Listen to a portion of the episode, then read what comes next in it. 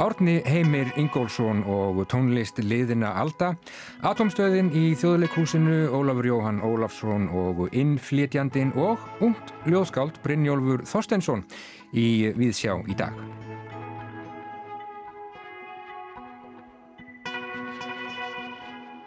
Við ræðum við Árnaheimi Ingólfsson tónlistarfræðing. Hann sendi nú frá sér rítið tónlist liðina Alda, Íslensk handrit 1100 til 1800. Bókin er svo fyrsta sinnar tegundar hér á landi, heilstæð sínisbók íslenskra tónlistarheimilda fyrr á öldum. Þar sem saga íslenskar tónlistar er rakin allt frá miðöldum til loka átjóndualdar. Já, verður fróðulegt að heyra af þessu, en grenitrið eru krass, byrki, rissað í flíti, en aspir eru mjúk, blíjantstrygg, dregin í glukkalauðsri kompu við titrandi ljóstýru. Við ræðum líka við Brynjólf Þorsteinsson í þættinum í dag, ung ljóðskáld sem að sendi á dögunum frá sér sína fyrstu bók. Hún heitir Þetta er ekki bílastæði. Brynjólfur fættur árið 1990, hann vann ljóðstaf Jóns úr vör fyrir á þessu ári fyrir ljóð sem að heitir Gormánuður. Hann hefur áðurbyrt ljóð í bókmyndatímaritum og sapnritum og hann verður gestur í Víðsjár í dag. Gauti Krismansson, bókmyndagagreinandi þáttarins, rínir í skáldsuguna Innflytjandan eftir Ólaf Jóhann Ólafsson. Sögu um mátt og áreikstur menningarheima, um vegi á starnar og óblíð örlög, um listisendi lífsins, vonir manna og vonbreyði, eins og segir í kynningu frá útgjöfanda.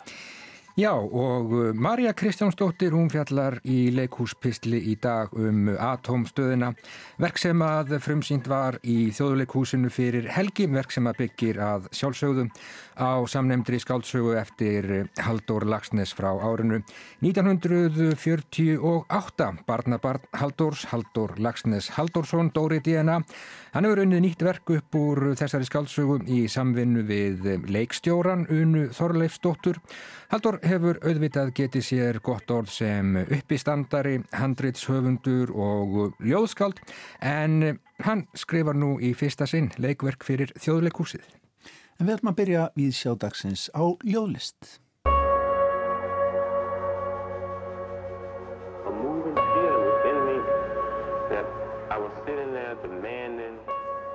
Kvalfjörðagöng Styrsta leiðin frá A til B er tilfinning úr barnæsku. Höggvinn í berg, minning sem ég keiri á hann í. Full af reik eins og höfðustundum, vinn undir skuggum með sporð og framtíðarhorfum. Hérna undir er yngar gangbreytir. Yngar rattir í útvarpinu var að surg og framljósin á móti taugabóði í rillilega grillveslu. Þetta er minning sem ég keiri upp úr Dagurinn er öðruvísi hérna meginn. Hann er beittari, meðir augum, framkallar bleitu sem breytir afturljósum í rósir. Ég ætla að leggja þær í auð bílastæði.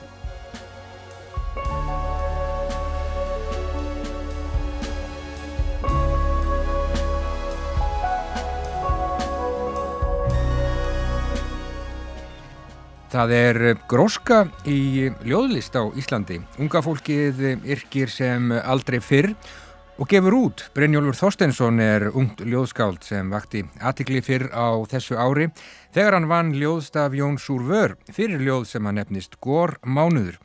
Brynjólfur er fættur árið 1990 alveg upp á Kvolsvelli búsettur í Kópavói Á förstu dag kom út hjá unnu útgáfu húsi bók hans Þetta er ekki bílastæði þar sem kundagsleikin er tekin óvæntum tökum. Brynjólfur er í ljóðum sínum og hrettur við að afhjúpa fáránleika hverstagsleikans með beittum húmor, frumlegri hugsun og já litríku myndmáli. Í bók sem er mögulega fjörugur óður til ímyndunar absins, gjótur henda vel til útburðar, limir henda vel til afskurðar, sár henda vel til ígerðar, rók hendar vel til hljómburðar, vindur er þokkafullt orð, leiðir huga að ævintýralegum siglingum, öldruðum, löfblöðum, berfættum, dönsurum og kannski er hjartað á stærð við Volkswagen Golf.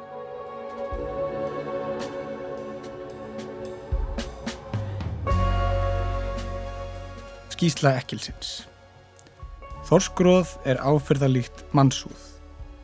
Þorsk augu eru svartar vakir, þorsk varir eru kaldar, blöytar, vekja upp minningar um hryggleysingi og salt. Þorskróð er áfyrðalíkt mannshúð, en þorsk tunga er alls ólík mannstungur.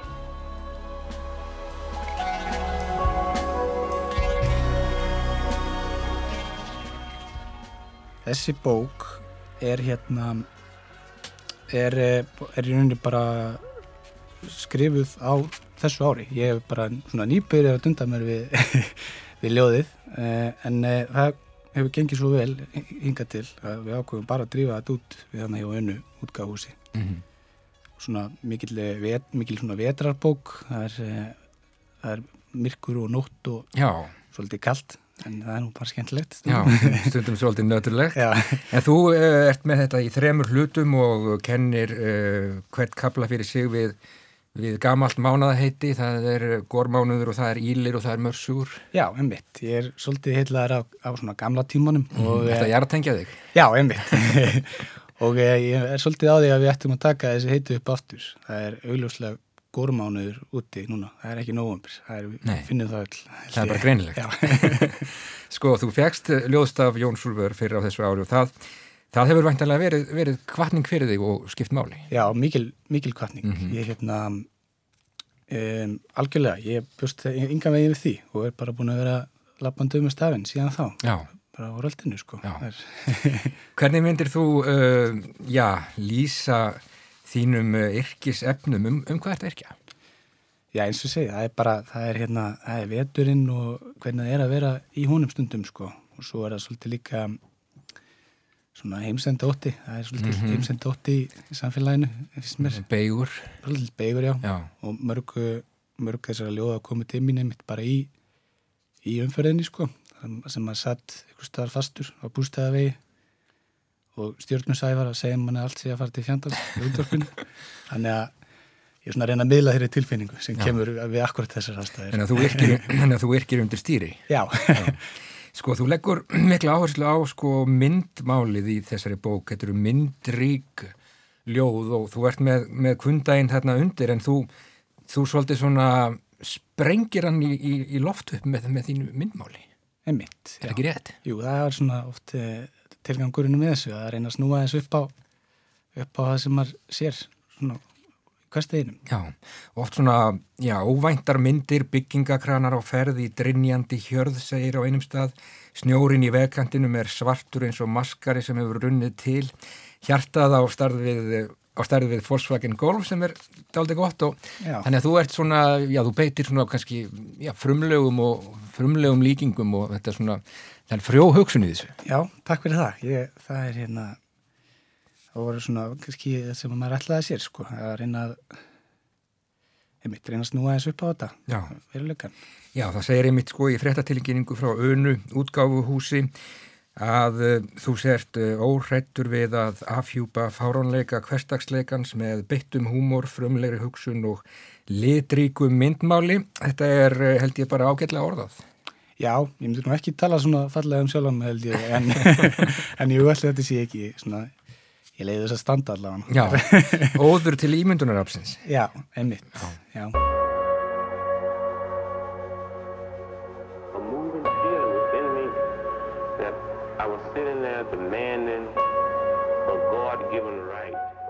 Eldúsklukkaljóð Af öllum skefnum jarðarinnar þykir mér mest til sjónaugans koma Hann lyktar eins og bílsæti úr æsku, nærist á fjarlæðum, drekkur úr leindarmálum, þambar eins og nágranninn vasklasið, nágranninn sem ber sig tignarlega við morgunverkin.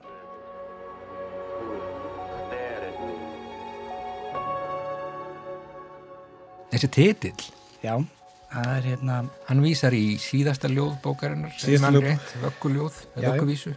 Jú, og hann þýðir náttúrulega ímislegt sko. þetta er ekki, ekki bílastæði þetta er, er ljóðabók mm -hmm. og það er ekki, þú verður bara að leggja bílniðin á mannastæðas, ja. það er fyrir gjöfu en svo er einmitt bílastæði sem uh, mynd snókuði minni í bókinni sem kemur upp aftur og aftur sko. það sem ímislegt er ekki bílastæði eins og mannsauðu til dæmis, það er ekki að leggja bílnum á mannsauði Nei Það er erfitt. Og vélutin bara almennt, sko. Bílastæðin er eitthvað annað en staðar til þess að leggja bílum sínum á mér, sko.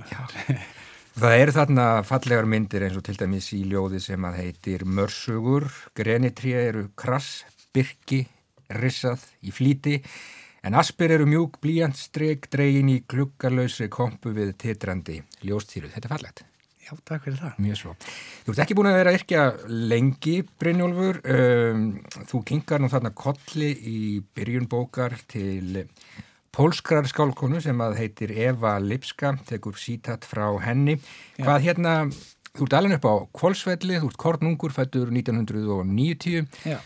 Hvað leiti þig út í ljóðlist og hvað hérna, hverjir eru þínir svona, hverjir eru þínar kveikjur og, og kannski áhrif af valdar? Sko, þegar, það er bara misjátt eftir við vikum, sko. Mm -hmm. Ég hérna leitist út í þetta bara fyrir algjörðslisni eh, og það er, sko, eða væri ekki fyrir, mér finnst andrumsloftið í ljóðaheiminum svo gott, það er svo mikið gott og nýtt að koma út Já. sem að algjörlega kvartir mér þetta og vinnir mínir stunda ljóðlist, sko, Fríða Ísberg og Brynja Hjálfstóttir. Margt ungt fólk að yrkja og gefa út. Emmitt og mikið limblástur, sko, og var alveg áraðanlega til þess að ég fóra, fóra hugsaði aðeins meira út í þetta hvort þetta mm. verði nú ekki eitthvað skemmtilegt Já. að reyna þetta sjálfur Er svona, þú minnist á þess að grósku er svona mikil er, er samgangur og milli ykkar ungu skáldana, er þið að bera saman bækur ykkar? Já, algjörlega mm -hmm.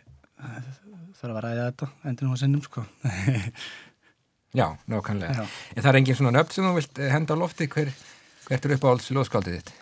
Það er hann Bræði Ólásson það er alltaf mjög stressaður þegar ég hitt hann á förnu vegi. En hann, hann er þinn maður? Hann er minn maður, þó við séum kannski ólíkir í, í ljóðlist. Eh, en eh, hann helst og ég mitt hún Eva Lipska var mér mikill innblástur bókin hennar sem var þýtt Já, kom út bara nýlega. Já. góð bók, Já. Já, mjög flott. Eh, Sko, þú gefur út hjá Önu útgáfuhúsi, eh, ungu forlæði sem að, já, ungt og kraftmikið fólk eh, rekur. Er Um, er auðvelt að fá útgefið í dag? Sko, nei, ég myndi nú ekkit segja það sko, ára en að ég komst inn til unu, þá var ég með alveg smásagnarsamt sko, sem að ég sendt marga tölupústa á fólk sko. En, eh, en það er, verður alltaf alltaf þægilegar og þægilegar held ég. Það er alltaf það er mikil grúska í græsrótar útgáfum og þess áttar sko þess að dagana. Já, einmitt og eins og við nefndum hér áðan uh, margt ungt fólk sem, a, sem að er, að er að gefa út. Já, einmitt, það er uh, góð stemming í lögaheiminum Já, sko. já, mikið um upplestra Já, eitthvað, já. eitthvað. Mm -hmm. uh, mætti alltaf vera aðeins meira. Já. Uh, ertu sískrifandi, þú segist ekki undir stýri meðal annars eða, eða kemur þetta svona bara í, í kviðum? Þetta kemur í, í kviðum sko, ég, hérna, maður er að vera vel stendur fyrir ljóðin sko. Mm -hmm. uh, já, maður fær þau bara í höfuð þannig að það ráða nokkur um það. Vera með öll loftnett úti. Og lát, maður líka að leiða að, að leiðast svolítið og lesa svolítið. Þetta er eitthvað sem mann er erfitt að gera oft í dag, það er að láta sér leiðast. Það er auðvelt að já. finna svona, já, eitthvað til að horfa á Já, nákvæmlega. Að drefa tíma. Og þú náttúrulega Þú bara heldur ótröður áfram, er það ekki? Jú, ég hugsa það, verður maður ekki að... Þetta er gaman? Þetta er skemmtilegt, já. já. þetta er það. Og þú ert með eh, útgáfu hóf, veit ég, á miðvíkudag. Á miðvíkudagin, já. Í já. mengi, mm -hmm. klukkan, eh, klukkan átta, með henni Brynju Hjálmsdóttur, sem er líka út lögabúk hjá unnu útgáfusi. Já, einmitt. Ég segi bara aftur til hamingi með eh, þessa bók sem að heitir Þetta er ekki bílastæði. Brynjólfur Þorstensson, takk fyrir komuna í Viðsjá og gangir allt í hæginn. Takk. Kæra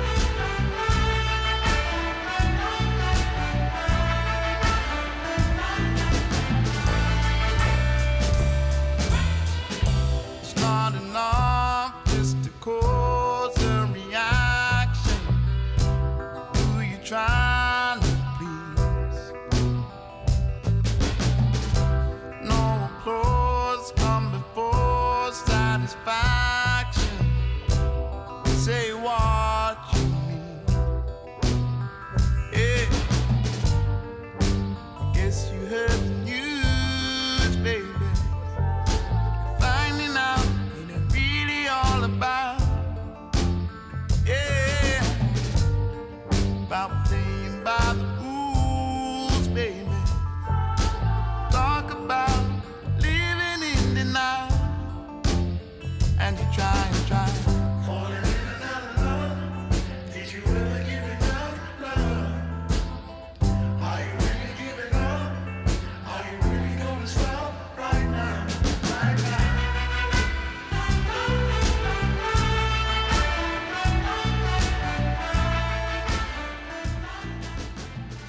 Já, enski tónlistarmadurinn Michael Kiwanuka og um, lag sem að heitir Living in Denial eða Lifað í afneitun.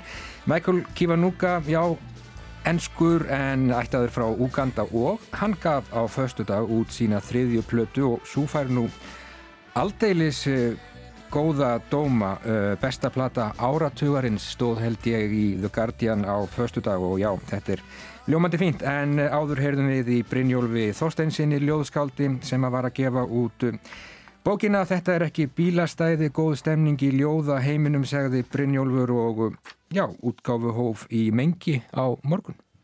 En þá snúum við okkur að leikúsinu. Marja Kristjánsdóttir fór og sá íslenska klassík í þjólkúsinu Atomstöðina. Ég var ekki beint eftirvændingafull þegar ég mætti á frumsýningu á leikjar og atomstöðinu hans haldi og skilja hans lagsnes í þjólikúsinu á förstu dagi maður. Enda óskaplega þreytt orðin og endalausri endur nýtingu á skáldsögum okkar helstu höfunda á leiksviðum. Og fáarsögur lagsnes hafa verið endur unnar oftar en þessi. En þreytan lag af mér á síningunni. Marst var þar svo fagurst og gleðilegt.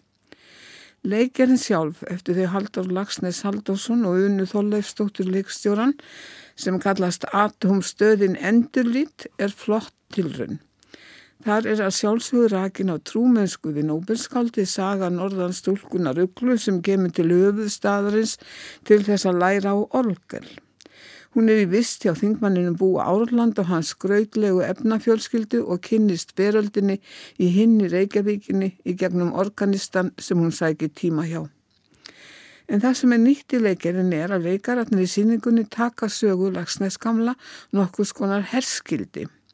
Fólkir í bakgrunni sögunar alltíðan sem á þessum tíma er að berjast fyrir vöggustöfu, menningar, höll og að skrillin í valdstjórninni selja ekki landið, fær að láta í sér heyra, gaggrína Nobelskáldi og takast á við valdsmennin í sögunni og tala beint til okkur áhorfanda. Það gerir samfélagið sem skálsagan er sprottin úr sínilegri og sínir líka að margt kallast þar á við okkar tíma húsnæðiskorturinn, auður hinn að fáu, fátæktin að mörgu og það að auðmagnið á sér enga fósturjörð.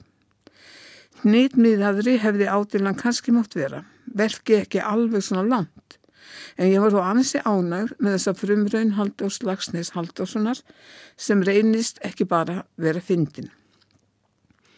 Pólski leitmyndarhöfundurinn Mirek Kasmarek notar brunavörnina játtjaldir mikilvægt takk fyrir tíma sögunar til að opna sín og loka á atbyrðarás. Hann nýtir nánast allt sviðið, það er rammað inn með háum hvítum flekum og á þeim leikur Míreksi stundum skemmtilega með skugga. Hann hefur eins og góðum leikmyndateiknara sæmir, auksinilega stjórnar lýsingunni sem afmarkar og leiðir áfram framvinduna á þessu stóra auða svæði gljáhandi gráa gólfi. Þar sem í upphafi nokkrið kirkjubekkir staðsetti okkur í kirkjunni í Eistridal og er einn síðan nýttir fyrir alla aðra staði sem atbyrðarásin krefst. Líkt og fyrir kraftaverk kreifast þeir einnig um sviðið að þess að áhorfandi verði þess var. Svo fá þeir áhorfanda líka til að hugsa til annars snildar pólverja Kantors. Einungis organistinn fær sitt eigi pláss, lítinn vagn á hjólum fyrir blöndurna sína sem hann keirir inn og út af sviðinu. Ég legg til að þjóðleikúsi fastráði Mírek Kasmarak. Búningar hans eru líka ævintýr útaf fyrir sig, sögnin í þeim stundum skýr og nálegi tíma eins og samtaka atvinnureikenda búningur búa Árlands. Glæsikjöld frúar hans aftan úr öldum lýsir enga vel fornesku hugafari þeirra ólánsum konum. Samfestinga sem alltíðan er klatti einni lýsandi fyrir hugmyndafræði hennar.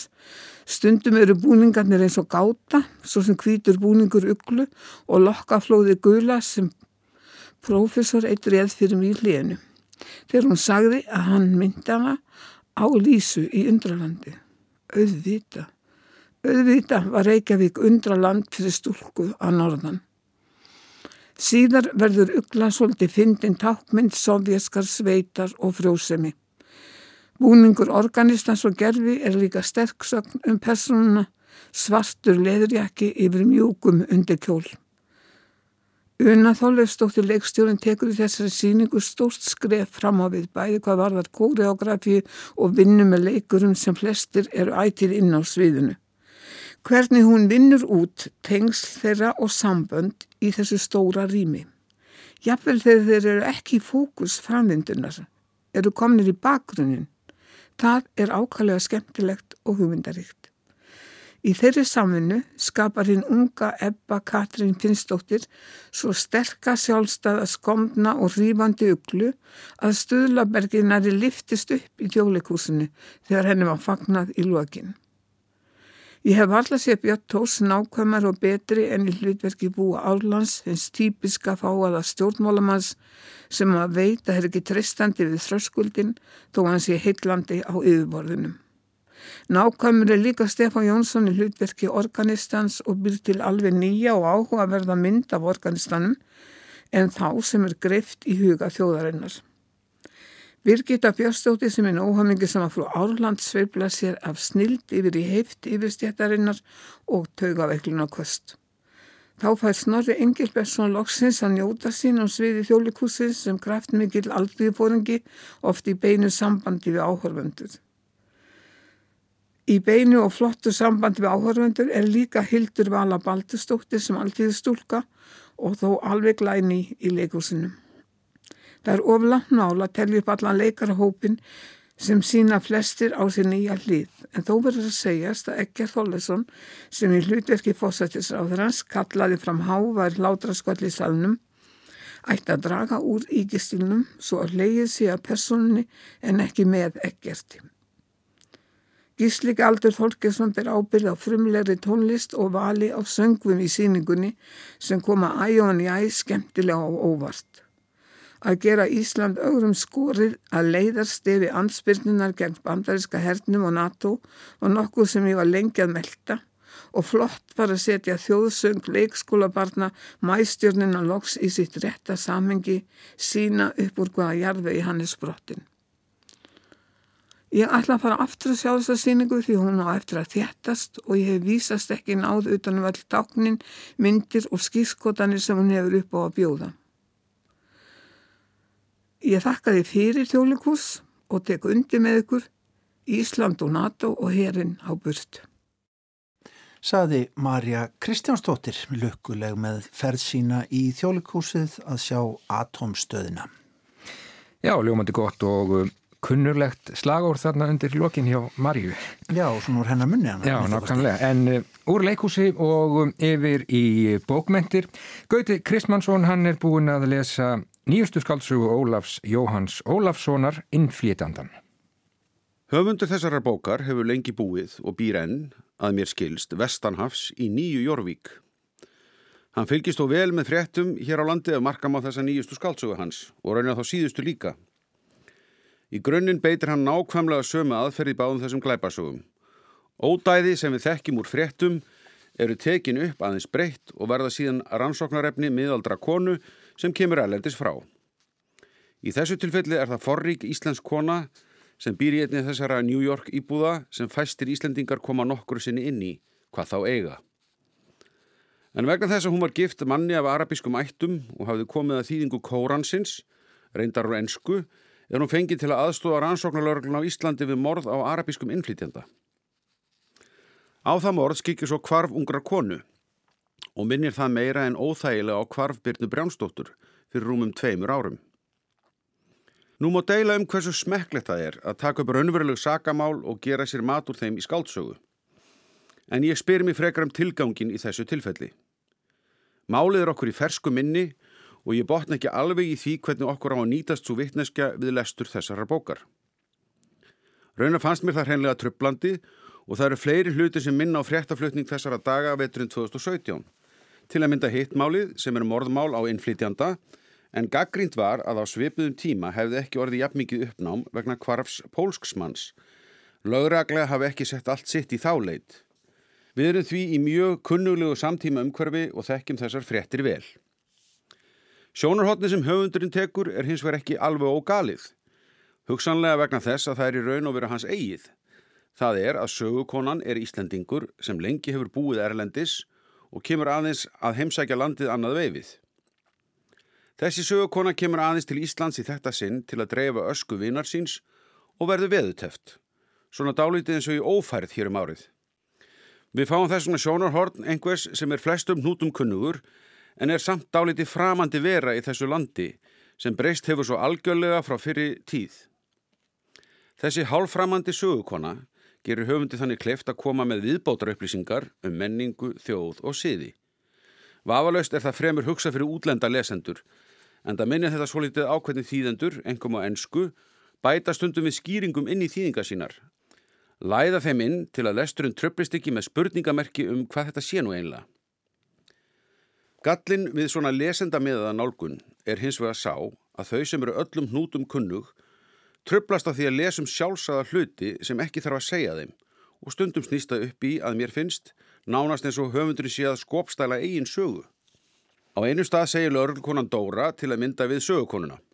Þetta er svo lítið þjóðfélag að annarkvort þekki við til þeirra sem eiga í hlut eða við getum kynnt okkur þau á augabræði, sagði hún. Flest mál eru upplýst á nokkur um klukkustundum eða dögum í mestalagi. Tilvitun líkur.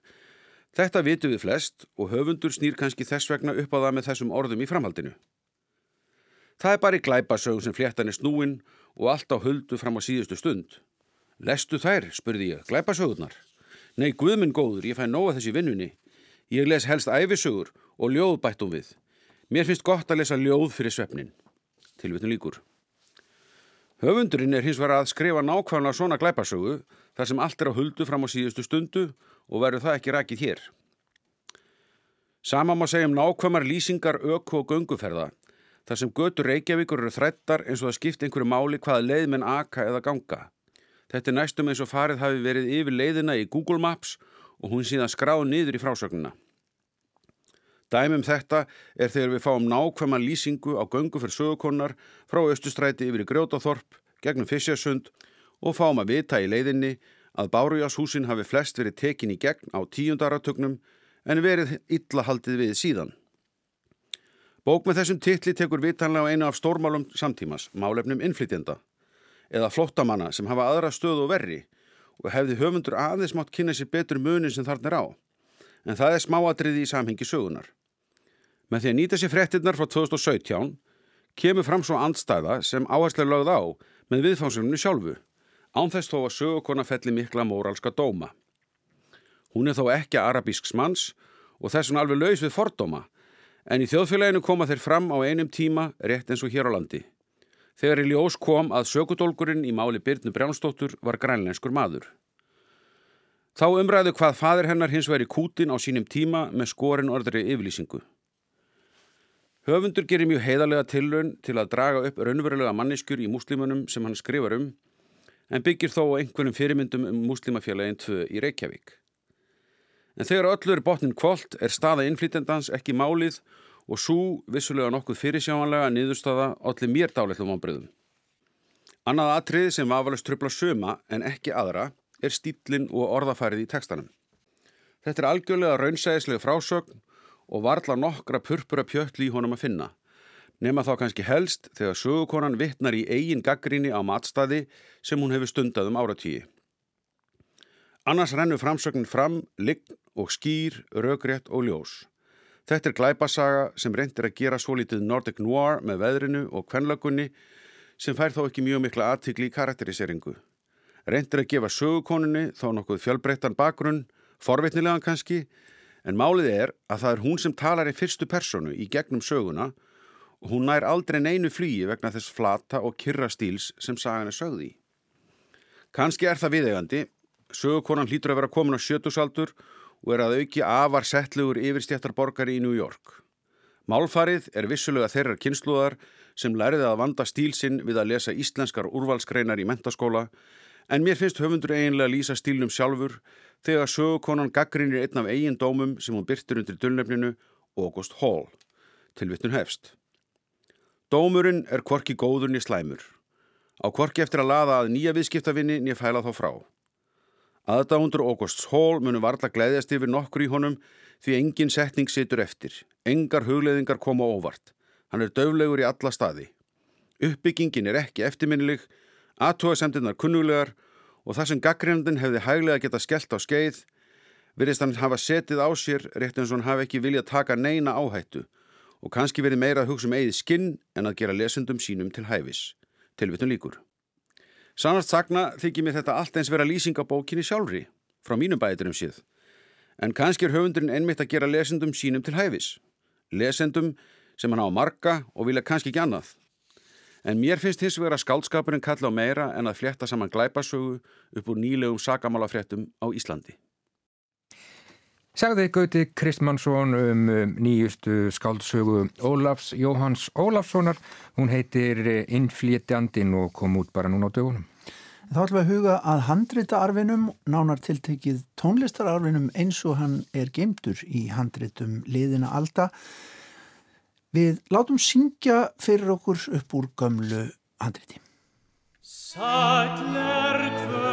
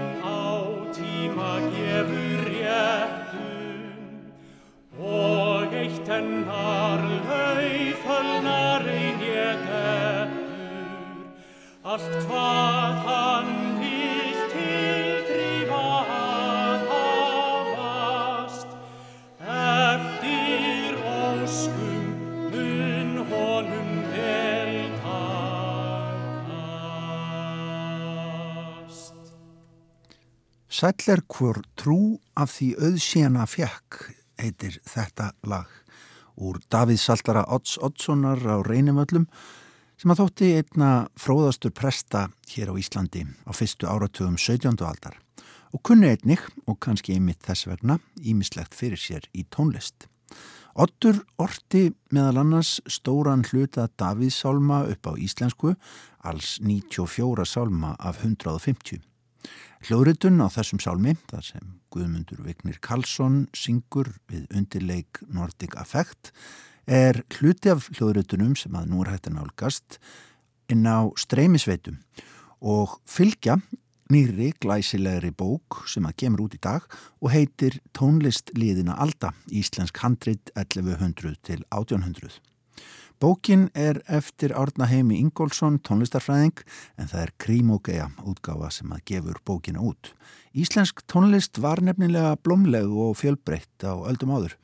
Þjóðin langt í frá að vera sönglaus eins og við hefum kannski stundum haldið fram, rétt eins og oftir talaðum að hún hafi verið algjörlega myndlaus.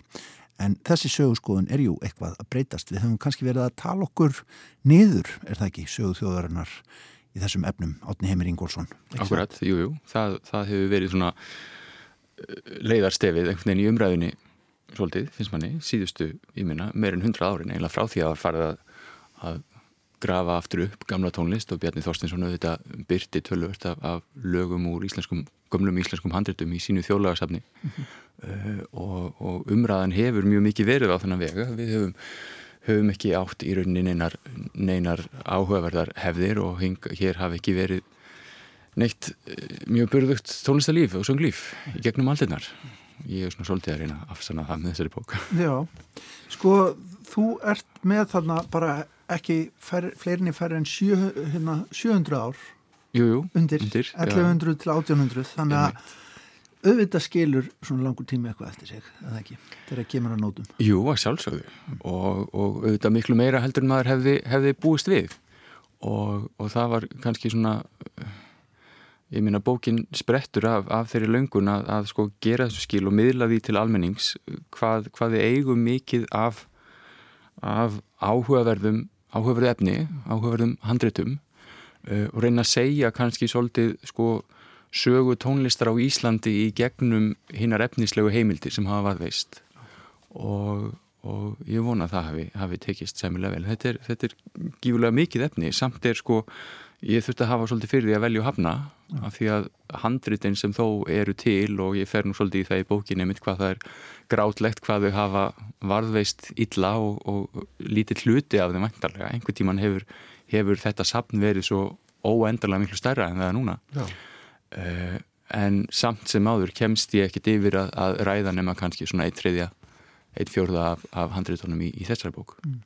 Þú segir einhverstaðar að séu eh, einhvað um 100 handrið frá katholskri tíð og 150 frá sagt, setni hluta tímabilsins. Akkurat uh, Það er hljóman ekki drosa mikið. Nei, nei. Uh, en, en það er samt En í, 100, í, í 250 handritum er samt slatt af tónlist er alveg, jú, jú, akkurat, akkurat og ég minna, út frá þessu þurfum við að draga okkar álíktanir ég minna, það er ekkert annað. Uh, Íslendingar voru, þó þeir hafi nú verið tiltrúlega einir við að skrifa nótur þá voru þeir ekkert sérstaklega duglegir þegar komaði að lýsa tónlistarlífi og tónlistariðkun á Íslandi í annars konar tekstum mm. það, það, mjög, já, það er mjög lítið af sko, frásögnum um hverjir voru að fást við tónlist og hvernig og hvar og að, með hvaða hætti mm.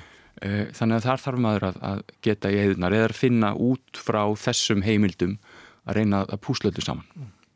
En ef við hugsun bara um svona lesturinn á nótna efninu sem slíku. Ég menna hann er, það eru, það eru stryk og það eru punktar og það eru jú, jú. einhvers konar nó, nótur í ímsum útgáðum sér maður. Okay. en það að lesa í það við vitum síðan ekkit kannski um tempo og ymslegt annað Akkurat, akkurat, þau segju, þau gef okkur ákveðnar lágmarksupplýsingar sem ofta er mitt, bara mjög mikið lágmark ekki einu sinni sko hreinur eða, eða nótna lengt eða annað. Uh, og svo það maður að, að geta í eðinar og, og það hefur líka verið mjög áhugaverið hluti af, af þessari vinnu er einmitt að sko af því að, af því að þetta er sko nótnaskrift er svo ótrúlega merkilegt fyrirbæri að geta einhvern veginn skrásett yfir tíma uh, hljóðheim. Og, og þetta, þessi handrit eru okkar líkill að hljóðheimi Íslandinga yfir margar aldir. Að geta einhvern veginn kalla það síðan aftur fram Þannig að, að ég hef unnið í, í langan tíma með, með íslensku tónlistafólki að því að hljóðrita þessi lög og flytja þau. Uh, og, og með bókinni fylgir sem sagt eða, eða uh, núna um leið og bókin kemur út þá erum við búin að setja inn á efnisveitur eins og Spotify og YouTube. Uh, hljóðritanir með 36 lögum úr, úr bókinni eða sem, sagt, sem að tengjast efni bókarinnar.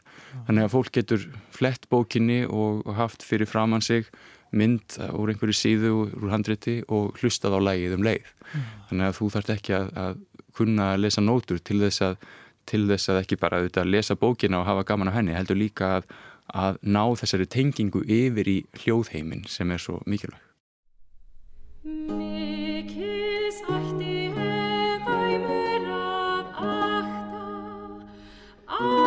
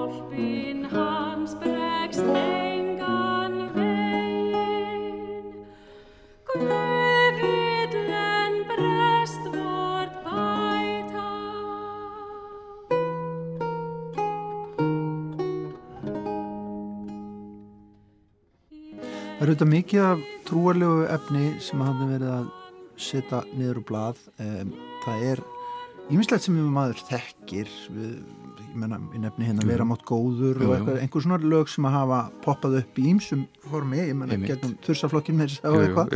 Þannig að, hérna, þannig að það er, sko, En svo kemur ljósa það á sér nú einmitt áhugaverðari sögu heldur um bara að vera Íslands þjóðlega í gæslafum sko. algjörlega, er þetta er síðan ekkit íslensk þjóðlög, þetta er allt rosalega mikið á reiki, er það ekki? Hvað, er, Jú, já, hvað þetta við eigum og hvað við gerðum og Jú. sköpuðum sem slíkt. akkurat, það er náttúrulega sko það er svolítið erfitt að því leiti það er auðvitað gífulegt magn af tónlist til í heiminum og það getur orðið mjög, mjög mikið þólinmæðisverk að ætla að rekja eitthvað eitt lítir lag Já. í íslensku handriti við íslenskan texta sem ekkert stendur ná, nánar um það yfir í eitthvað einhverja prentaða bók frá Ítalíu árið 1540 eða eitthvað. Uh, en þetta er nú það sem ég hef svona svolítið verið að fást við bara eiginlega síðustu 20 árin eða eitthvað álíka að reyna að finna þessi tengsl milli Íslands og umheimsins. Já. af því að mér finnst það gífurlega áhugavert og mér finnst það í rauninni sko áhugaverðari saga heldur en að eitthvað sé þjóðlag. Já. uh, þetta sko hvernig ferðast tónlist milli landa fyrir 500 árum? Hvernig kemst eitthvað lítið lag frá Ítalíu eða Spáni eða Þískalandi eða Fraklandi allarleið til Íslands og lifir svo hér kannski einhver 200 ár í einhverjum alls konar útgáfum það finnst mér, mér gífurlega áhugavert viðvangsefni. Og þessi litla eiga, hún er ekki eiland þegar tilkemur. Nei, ákkurat, ákkurat, ég meina við ferðumst til útlanda og hingað koma útlendingar og, og sumir eru, eru tónlistamentaðir eða hafa áhuga á tónlist eða sækja sér jafnvel mentun til útlanda í tónlist og koma svo aftur hingað og, og allt hefur þetta einhver áhrif. maður flettir þessari bók og það er svo fallegt, þetta er svo fallegt að, sjá þessi nótna blöð uh, auðvitað náttúrulega sum látlaus en önnur skreitt og, og glæsileg líka. Jú, jú. sko þú ert náttúrulega búin að vera að elda þetta hansi víða ekki satt? Og hérna, hvernig er að vera svona innanum bara ef við hugsaum um gripina sem slíka. Það er ótrúlega innfýrandi og, og skemmtilegt. Jú, ég hef búin að elda þessi handrið eins og segir einlega um allan heim eða svona þannig.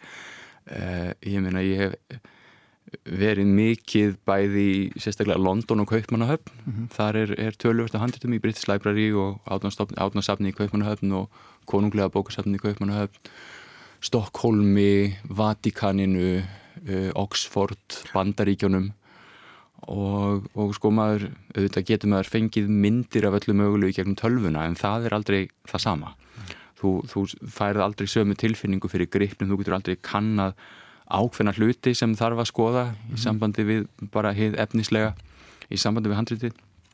Og, og það er ótrúlega magnað að sitja kannski með eh, eitthvað 5, 6, 700 ára gamalt handrit í höndunum handleika grip sem þú veist að einhver forfæður okkar bjóð til, söng af og fyrir mjög mjög margir hafa snert á í mildin Nei, nei, akkurat og, og reyna síðan að sko lesa út úr því sem þeir voru að gera. Já.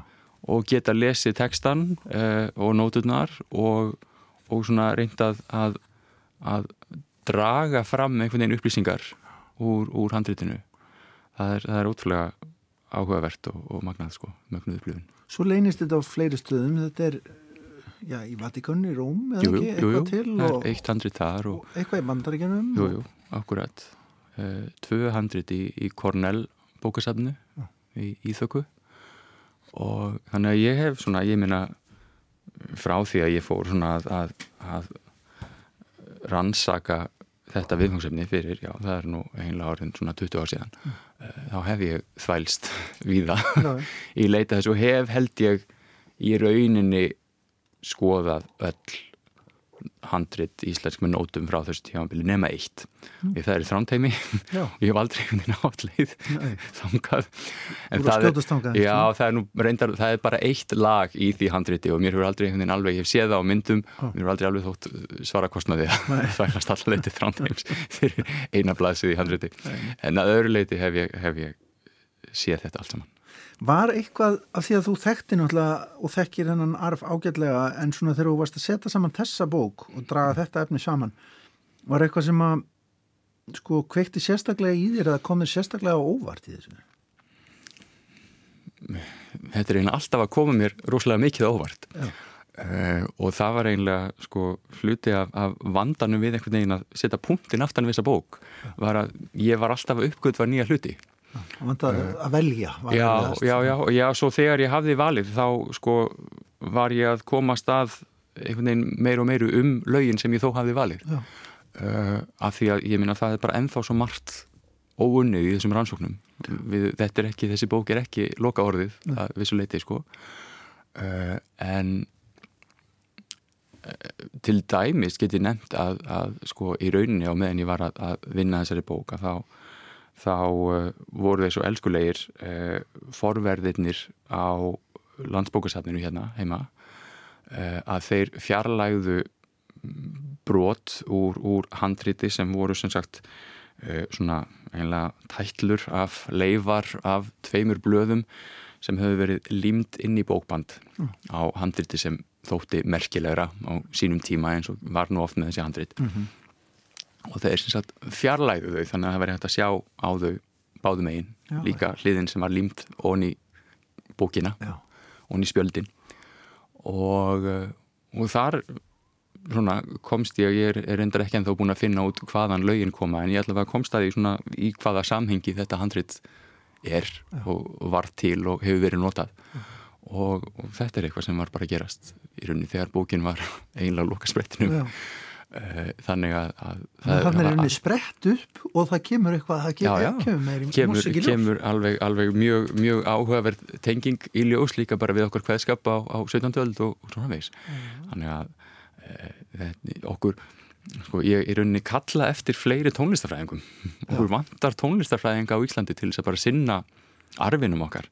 Bæði auðvitað þessum eldgamla og síðan líka bara því sem er að gerast í samtímanum eða síðustu hundra árin. Mm þannig að, að þetta er svona það sem ég hef getað áorkað en það, það þurfa fleiri að koma að þessu því að það, það er svo margt sem við þó vitum ekki Við lýsum bara eftir fleiri Já, kollegum einmitt, og, einmitt. og, meiri rannsókn. já, já.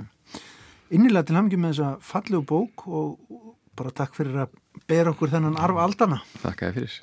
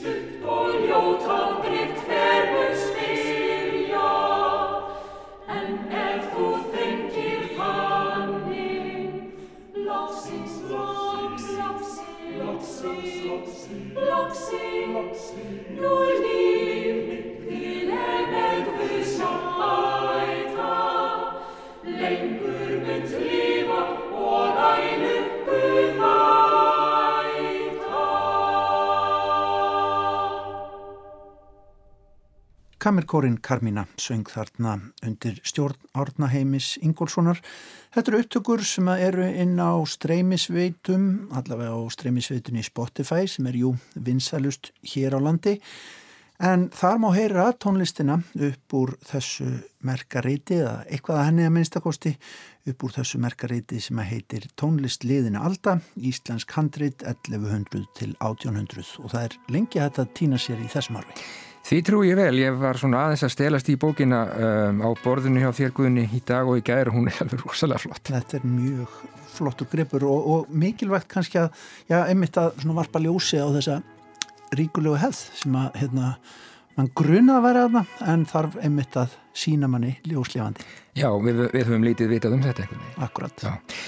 Eh, Það má lengi móða úr þessari bók svo mikið er víst en þetta er búið hjá okkur í dag heyrumst aftur á morgunlöst eftir klukkan fjúr. Verið sæl.